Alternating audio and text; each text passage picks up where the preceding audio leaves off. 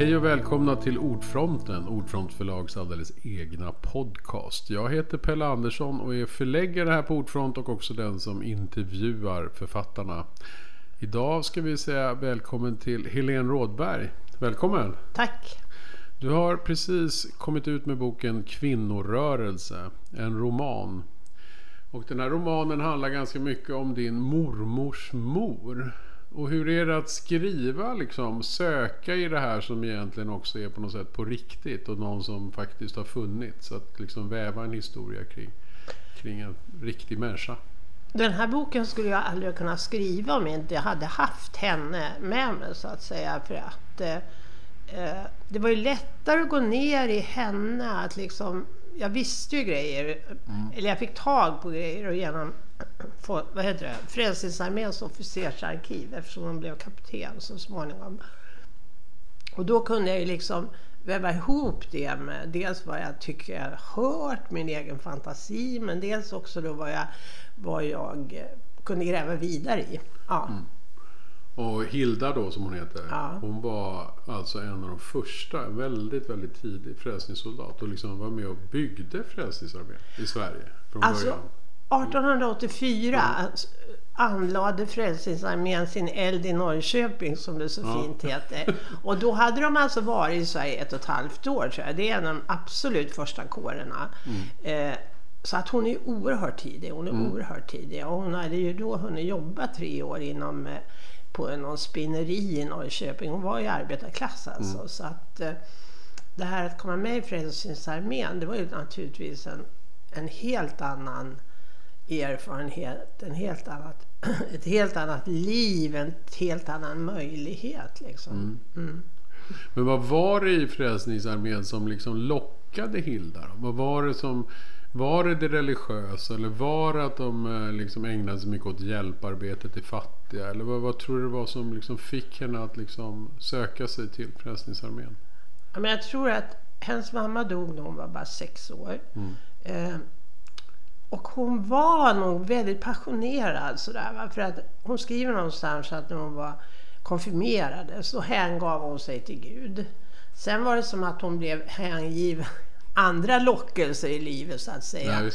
Ja, som ju var förbjudet för en kvinna att hänge sig åt. Mm. Så jag tänker att den passionen liksom slog igen eld så att säga när Frälsningsarmén stod. Det var ju kvinnor som stod mm. på scenen i, i Norrköping. Det var ju en kvinna som hette eh, Annie Hartelius, en ung kvinna, en väldigt vacker så här, med fina under hatten och så sjöng de och spelade. Ja men jag kan tänka mig att man blev liksom nästan kär i, i själva det som hände på något sätt. Det var mm. något helt nytt. Och det var också då som du säger med kvinnorna. Det är liksom, för du, boken heter ju Kvinnorörelse. Mm, mm. Är det liksom, var också då Frälsningsarmén en, en kvinnorörelse? Skulle du säga det? Eller var det ändå männen som bestämde? Eller hur? Jag skulle kan, säga att Frälsningsarmén var ju naturligtvis en kvinnorörelse på det viset att kvinnor fick predika. Det var det enda... Det var enda den, stället? Ja. Mm, och det var ju Catherine Booth som ju var med och startade Frälsningsarmén. Hon skrev ju väldigt tidigt om kvinnors rätt att predika evangelium. Och det var ju en skrift som kvinnorna läste när de gick på krigsskolan. För det hette ju krigsskolan Ja, det är väldigt militärt alltihopa. Ja, det är det. Mm, mm. Jag vet inte vad de tog över det av. Det har jag inte riktigt klart för mig. Men, men äh, nej, jag vet inte riktigt. Ja, men jag tror att jag läste någonstans, men jag kommer inte ihåg mm. det riktigt nu. För William Booth och Catherine Booth mm. var ju de som startade. Eh, nej, jag kommer inte riktigt ihåg. Men de tog väl över någon sorts organisationstanke eller så. Jag mm. vet inte. De kom ju baptisterna. Mm. För det är ju väldigt hierarkiskt och sådär. Så de har ju kvar mycket av den här militära hierarkin och absolut. ordningen och så. Absolut, absolut. Och kunde kvinnor gå hur långt som helst i den här organisationen? Alltså, Hanna Osterloni, som ju var den som var den första kvinnan i Sverige, hon var ju major. Eh, och hon eh, var ju den som startade kan man säga Frälsningsarmén i Sverige. För jag menar Catherine Booth och deras döttrar blev ju så här, eh, vad det nu hette, jag kommer inte ihåg, men i, ute i världen också. Mm. Men jag menar det var ju inte en kvinna som Hilda som kommer ur arbetarklass. Nej, inte kunde hon, nej. Det var ju liksom områ- nej, det var ju områden där kvinnorna var de mest framträdande och det var ju liksom inom eh, hjälphem och ta hand om barn. Och, Så att det är ju lite så här. Men alltså att hon ändå blev kapten och startade kåren. Hon var ju otroligt driftig så. Va? Men det är klart att det låg ett tak även på kvinnorna då. Och hur gammal var hon när det här hände? Alltså hur länge, alltså, och var, var kom hon ifrån från början? Var, Hon kom, hon kom ju ehm, från Östergötland. en- Alltså, Västra Grytgatan, det är den adress jag har i Norrköping, att hon bodde där. Och sen har jag någonstans där hon är född och det är ute på landet någonstans. Men hon, som 14-åring började hon ju i någon av fabrikerna. Och då bodde hon ju då som, på det som hette Västra Grytgatan. Och vad jag förstår, och så, efter vad jag kunnat eh, få fram om det, så var ju det arbetarkaserner kan man säga. Men det var, låg inne i Norrköping så det var inte de värsta ställena. För ute i förstäderna i Norrköping var det fruktansvärt vad jag förstår. och hon bedrev då också hela tiden där hjälparbetet och var ute och alltså som sen frälsningssoldat menar jag. Då var hon Ja men alltså, hon var väl... eh, Jag tänker att hon var ju 17 år när hon gick med. Men länge arbetade hon ju vidare på, på, inom fabriken. Så att det var ju på helger hon kunde, hon och hennes vän då, Gerda. De kunde ju liksom predika och så. S- Men successivt så, hon blev ju korpral och sådär va. Så att hon slutade ju då på Frälsningsarmén och reste till Stockholm för att gå krigsskolan. Hon blev ju liksom hon ansökte ju om det. De, de Var det här en möjlighet också för kvinnor att ta sig ur en jobbig situation tror du också med arbete och barn och sådär. Och, så, ja, och göra någon slags frälsningskarriär. Eller? Det kan man ju säga. Jo, men det är klart att det är ju klart att eh, det, det var ju ett helt annat liv naturligtvis. Hon räknades ju på ett annat sätt. Hon åkte ju till eh, Landskrona som provlöjtnant och sådär. Va? Så att hon, hon fick ju naturligtvis mycket större utrymme men samtidigt var det oerhört slitsamt. Så jag tänker att det kanske, men, men jag tänker att ändå på fabriken där skulle hon väl ha du vet damm och... eh, Hon alltså- skulle ha brutits ner. Ja, sätt, hon skulle väl kanske inte ha klarat sig alls. Nu blev hon ju väldigt gammal. Hon blev ju nästan 90 år. Mm. Så att, eh, ja. Och hur mycket av det här som du har då spunnit kring, hur mycket material har du hittat? Vad fanns allt det här? Är det, liksom, är det mycket som du har hittat hemma eller från släkten? Eller är det, Det är lite fragmentariskt. Det jag har från släkten, gamla bilder och så. Det har ju varit jättebra. Sen har jag väl liksom, det har hört så här berättas lite grann då. Men, men sen har jag ju, Frälsningsarméns officersarkiv har ju varit jättebra. Eh, och sen fanns det ett litet arkiv efter henne på Nordiska museet. Där det ligger så här tunna, tunna eh, order från Ja, högkvarteret. det. var hon ska ta väg. Ja, det Precis. finns med. Det finns med i boken. Ja, i en Ja. sekvens mellan 1890 och 1893 så reser hon och startar kår liksom. Ja, Ja, hon, I hela landet? ja precis.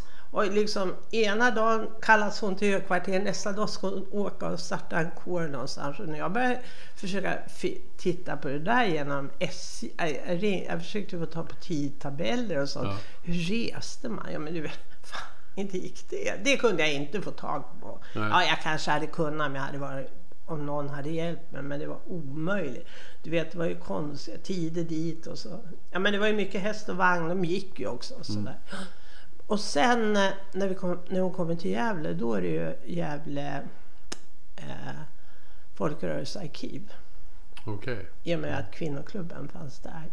Och det var ju jätteroligt att hitta henne där. Någon sa, läste och... Och hur mycket av det här skulle du säga är liksom hur mycket är Hilda en fantasi och hur mycket har du liksom spunnit kring själv och hur mycket har du liksom hittat på? Eller känns det, har det inte varit något problem? Det har bara... Nej, det har, nej, det, har, bara... nej, det har inte varit något problem. Nej. Och hitta på! Nej, Nej. nej, jag har känt mig väldigt fri i det. Ja. Eftersom jag tänkte jag får väl hålla på med henne hur som helst eftersom är min förmoder. Så att säga. Ja, just det. det var, du tyckte att du är så nära henne. Ja, så du precis. Får göra vad du ja, jag får göra vad jag vill med henne. Jag har inte, jag har inte gjort så hemska saker. Men jag tänker på det där att jag alltså kanske 80 procent är Mm. roman. Alltså, för jag tänkte ju på det, 75 i alla fall. Mm. Eh, jag tänkte mycket på jag menar, jag menar till exempel när eh, hon kommer till Landskrona. Mm. Eh, vilket ju var en slump att jag hade ett foto av henne så står det Landskrona, fotograferat Landskrona. Och jag vet att hon var där under en viss period. Ja men då var ju Selma Lagerlöf där och så skrev hon en, en jättehäftig novell om den tidiga Frälsningsarmén långt före, vad heter den? Gösta Berlings saga? Eller? Nej, vilken handlar om Frälsningsarmén? Jaha, om frälsnings... Ja, ja. Okej, Peng. ja. Nu tappar jag det också. Ja, jag ja, men det kanske kommer tillbaka. Ja. Ja, men då läste jag in mig på den. Mm. Ja, men det visste jag inte att den fanns. Så placerade jag ju Hilda då i... Men jag menar, jag vet ju inte om hon var... Om det var just då hon var där. Men och om de träffades eller så. nej, det tror jag inte. Nej, Selma är inte med alls. Nej, Nej, nej. nej. Det, nej, nej. Men jag tänker att det blev inspirerande att läsa om den Mm. tiden på det viset. Och läsa en massa dikter. Leon Larsson Ja, läste, det. började jag ju läsa liksom. Tänkte jag, oj, skrev man sådär? Jätteradikalt. Mm, Och det är ju ganska radikalt även inom Frälsningsarmén, eller hur? Mycket radikalt är det. Ja. Mycket radikalt. Det är det ju. Det är ju, det är ju liksom bara det att kvinnorna ställer sig på en scen eller på podiet Mm. och spelar och sjunger och talar. Det är ju, det är ju så jätteradikalt. Mm. Och så går de omkring i den där. Jag menar, en, männen, du vet, det stod ju i tidningen att de, de besudlar ju den svenska armén med sina uniformer. Speciellt då att det var kvinnor som gick omkring. Det kunde vara vilka kvinnor som helst. Arbetarklasskvinnor gick i uniform. Så att det, det var ju en otrolig, eh, vad ska man säga, det är nästan så här som man klistrar fast sig kanske på gatan. Ja, Nej, men alltså- Rebellion Ja, fast lite sådär. för? Att, över att det var sedan. liksom en annan, en annan... Att de tordes också, för de var ju väldigt ansatta. Folk Mm. kastade ju ägg, de kastade sten, de var ju galna. Och det har jag funderat på mycket varför de var det. Men de bröt ju. Det måste ju vara det här med kvinnorna, tänker jag. Mm. Och hur, hur fick hon liksom tid och ork? Och, alltså det kräver ju också, de läste mycket. De re, alltså hon reste mycket. Hon hade också barn. Hur fick hon ihop sin tillvaro? Ja, men hon hade inga barn. Nej, inte då. Nej, nej. men sen. sen. Ja. Sen hoppade jag tio år i... Och då var det så här. Jag var ju pratat på Gävle, i Mm. Gävle om den här boken och då var det någon som Men varför hoppar du över tio år? Va? Ja, men då tänkte jag så här, men jag tycker inte det är så intressant med allt det där födande och så. Va? För att det tycker jag, ja det är tio år och så föder hon sex, sju barn liksom. Nej. Men det är sånt man bara river av. Ja, men så kändes det liksom. Man kunde det. Men jag har ju tillbakablickar Mm. till den tiden i Mora och sådär. Men då dyker de ju upp i Gävle. Mm. Och då startade ju Gävle kvinnoklubb 1903. Eh, Och eftersom hon då var vän med Maja Kvist och Fabian Månsson, eftersom hon hade lärt känna Fabian Månsson. Och vem var Fabian Månsson? Fabian Månsson var vet. en av de här bråkiga agitatorerna som Mm. jag väl egentligen inte passar in någonstans tror jag. Han var väl bråkig inom arbetarrörelsen, han var bråkig på det här och där liksom.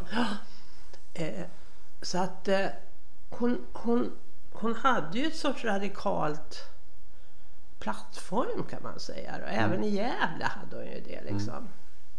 Eh, Och även familjen i övrigt. Eller brorsan och sådär var.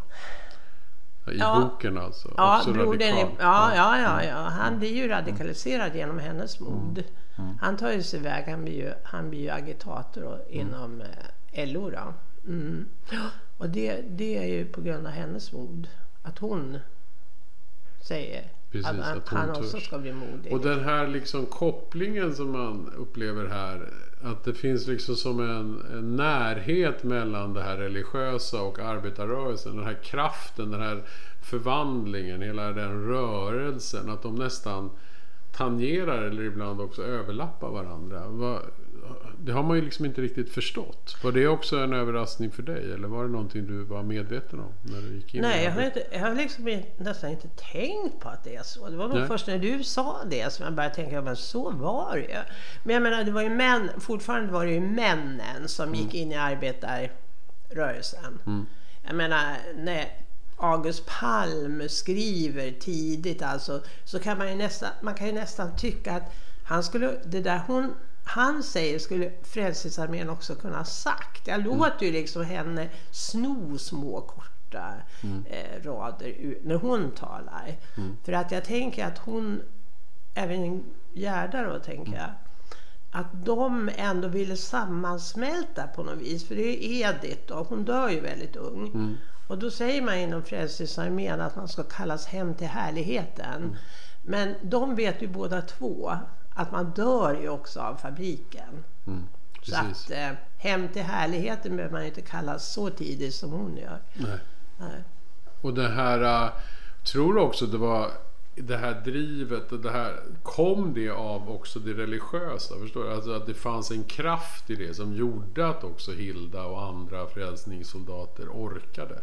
Alltså att, att det religiösa bar någonting som gav också någon slags hopp om framtid. Eller vad kan, vad kan Ja, det tror finnas jag. i det där? Men det tror jag Ja. absolut. Absolut tror jag det.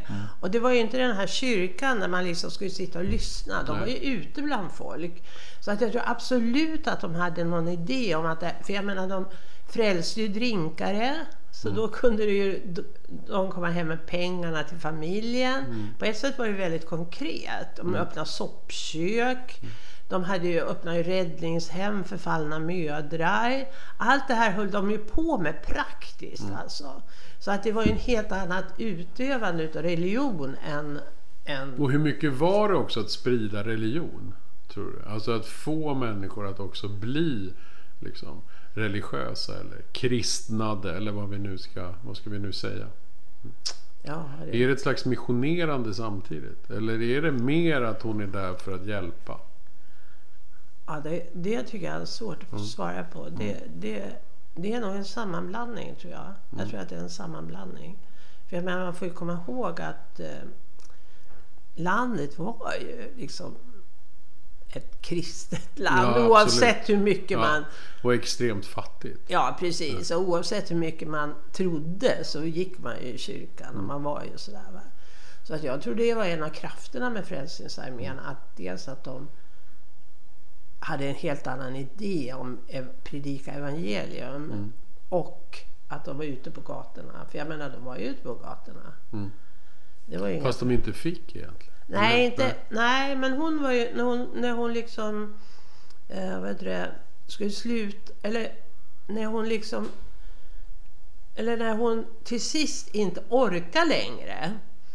Då är det ju ett brev hon skriver som finns med i boken och det var ju jag chockad nästan när jag läste för men hon är ju utbränd. Jag Nej, tänkte, det är det hon är är. Ja, utbränd. det är exakt utbrändhet hon beskriver. Jag tänkte så här, det, det är ju vad vi blir nu. Ja. Utbränd. Jag har varit utbränd. Massor av kvinnor har varit utbrända. Mm. Eh, och då blev jag så här. Ja men då kände jag så här. Förstod hon att det var det hon var? Nej men det Nej. förstod fanns hon väl inte. inget ord för nej, det? Nej. Och dessutom då så var hon ju anklagad för att predika efter klockan åtta på kvällen. Eh, och i Falun då hon var där då, då var det en så super eh, sträng polismästare eller vad var. Så han var ute efter Frälsningsarmén. Så att då hade hon ju böter eller fängelse. Och det var ju väldigt jobbigt. Det ville hon ju inte prata om ens när hon kom hem. Liksom. För hon, hon, hon kom ju hem då ett tag. Mm. Och det är där också hon på något sätt, det är då också hon bryter och gör annat i livet? Eller liksom, Det är väl ja. då hon verkligen släpper taget då, eftersom hon har träffat Emanuel och hon, hon har ju redan gett sig till honom. Eh, Men det är fortfarande att, hon, för han är korpral. Hon drömmer väl fortfarande om att han också ska gå in och gå till krigsskolan. För skulle han ha gjort det då hade hon fått vara kvar som kapten. Men Jaha. nu blir hon degraderad. Så nu är, i roterullarna som det heter. Då är det han som är överordnad henne och då står hon som fru och då hon ju verkar i Frälsningsarmén. Och då, då känner jag så här när jag läser det, blir jag så arg. Jag blir så arg och tänker fan att det ska vara så där. Mm. Det, det är liksom, ska det aldrig, ja men det är ju inte så nu, men jag menar det är fortfarande som att den plats arbetarklassens kvinnor har halkar man så lätt tillbaka i. Mm. Och det skulle jag säga, hon har gjort allt det här sen är hon helt plötsligt hans fru och omyndig. Hon var ju myndig Mm. Ja, som eh, precis. officer var hon ju myndig. Och då är det också så, det här med kvinnoklubben och socialdemokratin. Vad, varför engagerar hon sig där sen då? Är det för att det känns hopplöst med Frälsningsarmén och så? Eller?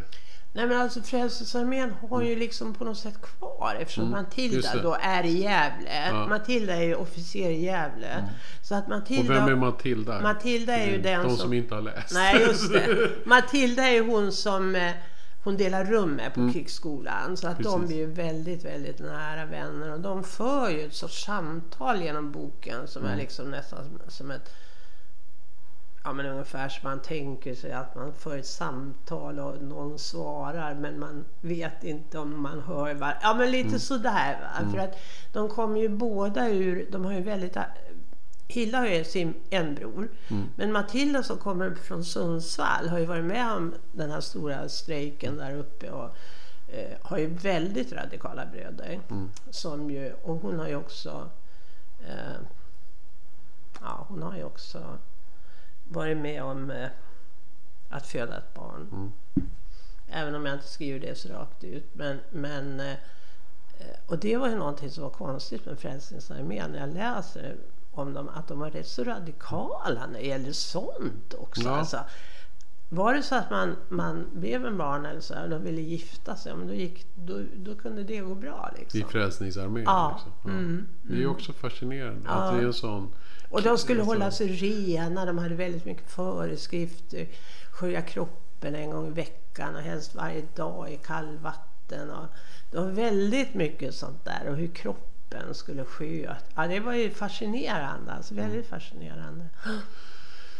Och då är det ju så att det här äh, när hon också blir, alltså det där också knyts ihop. Man ser ju hela tiden att den här, äh, som vi pratade om lite förut, just det här att det radikala arbetarrörelsen, fackföreningsrörelsen, syndikalismen, frälsningen, att allt det här blir ju på något sätt som ett sammelsurium och att det ändå, men vad tror du är, tror du just att det var ändå kraften i att förändra och göra världen lite bättre som drev henne? Det är Ja, det ab- som, ja, mm. Absolut, Det är det som är för det har ju levt kvar. Ja. Det levde ju kvar i hennes barn. Mm. Eh, ja men absolut. Och jag tänker på det här att hon, att hon eh, ehm, ja men alltså de läser ju Mm. eh, Frida Sten och feminismens moral väldigt Mm. tidigt. Så här, ordet feminism är ju liksom, det är ett ord som Ja, men det är helt fantastiskt. Och då, då, är fem, då är feminismen i ett modernare stadium. 1903 säger man det. Så att det där har jag ju låtit vara kvar. För det är någonting som fascinerar mig oerhört. Liksom. Att, att, eh, så hon läser ju nästan det som ett poem. Så där. Hon förstår ju inte allting. Nej. Precis som de inte förstod allt som stod i Catherine Booth eller skrift. Kvinnans rätt att predika evangelium. För den, den var ju jättesvår att tränga sig in i Ja. för mig. Jag tänker då var det väl det för dem också. Nej, det var nog lättare för dem. Mm. Men, men att de bär båda de här skrifterna med sig. Liksom. Så att jag tror att det är en bild för hennes eh, förenande av de här två krafterna. Ja, för det är ju ändå fascinerande eftersom hon ändå, även om du då hoppar över de där barnafödsåren Mm. så, så finns ju ändå sju barn med i bilden. Ja, och ändå ja. ett liv och sen samtidigt göra alla de saker hon gör. ja, alltså det är ändå Hon hade, ju, fascinerande. hon hade väl tur på det viset då, eftersom Emanuel ändå, han var ju slaktare. Ja. Så de hade ju en liten butik. Mm. Så att hon behövde ju inte gå så här som de flesta arbetarkvinnorna, gå till hjälp i hemmen, vilket man kallar det. Mm. Eh, Jag tror att hon fick jobba mer när hon blev äldre, men inte när barnen var så här små. Ja, hon hjälpte till i butiken ibland, men för det mesta så var hon väl hemma. Inte vet jag, jag vet inte riktigt, men jag menar tvätta och det är ju en laga... roman så att du får hitta på vad du vill. Ja, men tvätta och laga Ja. mat. Ja, men jag, har inte, jag har inte fördjupat mig Nej. så mycket i det. Nej, du är mer inne i, i, i idéerna och tanken och kraften. Ja, i rörelserna och, ja, bland kvinnor. För jag Ja. tänker också att det är en kollektivroman om kvinnlig... Det är Absolut. det som är kvinnorörelsen. Va? Att det här fanns hela tiden. Att de här rörelserna fanns och den här kraften hos kvinnorna. För, för i Gävledelen är det ju rätt många kvinnor med. Katarina, Judit, de är många. Maja är väldigt framträdande och så. Och har det varit liksom en, en glädje liksom att vara i den här tidiga kvinnorörelsen? Har det känts liksom upp, Det känns så när man pratar med dig som att du har, du har varit i någonting som har varit ganska härligt. att det finns en kraft i det som även du har liksom nåtts av. Ja men det är jättekul. Ja. Det har varit jättekul. Eftersom jag var, har varit, jag menar, man kan ju säga att jag deltog i den andra kvinnorörelsen då, 70-tal och så. Va? Eh, då är det ju, för jag menar, då är det ju jätteroligt att hitta min mormors mor full av kraft i den första kvinnorörelsen. Eh, ja, men, ja det, det har ju varit jätte, jättekul att skriva. Och hur, har det liksom, hur kopplar du det till idag då? Vad är det som är idag och i tiden nu som kan hämta kraft och inspiration i, ur, ur den tid som var? Eller Ja, hur har du sett på det här? Ja. Jag tänker kraften. Jag tänker kraften, liksom, att man har så mycket kraft. Jag tänker så här, jag har ett citat där utav Catherine Booth eh, som ingång i andra delen. Och då säger hon så här. Eh, If you want to change the future you must disturb the present. Och det tycker jag så här. Det Kunde skrev hon. skriva på alla väggar? Precis! Och skriva Catherine Booth under, då skulle folk tänka, vem är det? Vad är det för konstig människa? Liksom. Men jag menar, hon, alltså Catherine Booth var ju den starka tycker jag. Det, det, någonting som också var jättespännande som jag hörde, det var ju att någon som berättade att eh, Booth hade ju kontakt med Marx i London. Så att egentligen så tänker jag att det där marxismen och jag låter ju dem säga, jag låter dem säga att Marx, Marx och Gud liksom, det kanske är samma kraft någonstans. Ja, inte riktigt, men du förstår vad jag menar. Ja, men det är ju ofta så man tänker. Alltså mycket av det som socialismen vill. Ja. Det tyckte ju till och med Jesus i Bibeln. Alltså Precis, det, alltså det finns ju precis. väldigt mycket där Ja, som, precis, är, precis. som står bredvid varann. Liksom. Och då tänker jag på att kvinnorna var så framträdande. Jag tänker på det, men jag tänker också på det här att, att när de ska skriva om kvinnorna, när de till exempel inviger den här fanan som är, en, den är unik i Sverige, Socialdemokratiska kvinnoklubbens fana i Gävle, som har Louis Michel, då, en anarkistiska, eh, vad heter det? Hon stod ju på, det var ju hon som var med i andra Pariskommunen va? Mm det. anarkist och eh, religiös. Anarkist och religiös. Det är ju, skit- för jag läste en liten skrift om henne som var jättespännande. Som skrevs då 1907. Eh, och då skriver de ju om henne som både anarkist och religiös. Och tänker gud, ja, vilka kvinnor! Vilka kvinnor! Och kombinera det där. Eh, men då tänker jag sen när de ska skriva om den här invigningen. Kata Dahlström pratar ju Alltså det är ett tal som man känner såhär, vilket språk! Blod, fanans blodröda skyar. Ja men du vet. Ja, det är och- ett viktigt drag där. Ja, det är verkligen. Och sen så när, när hon ska...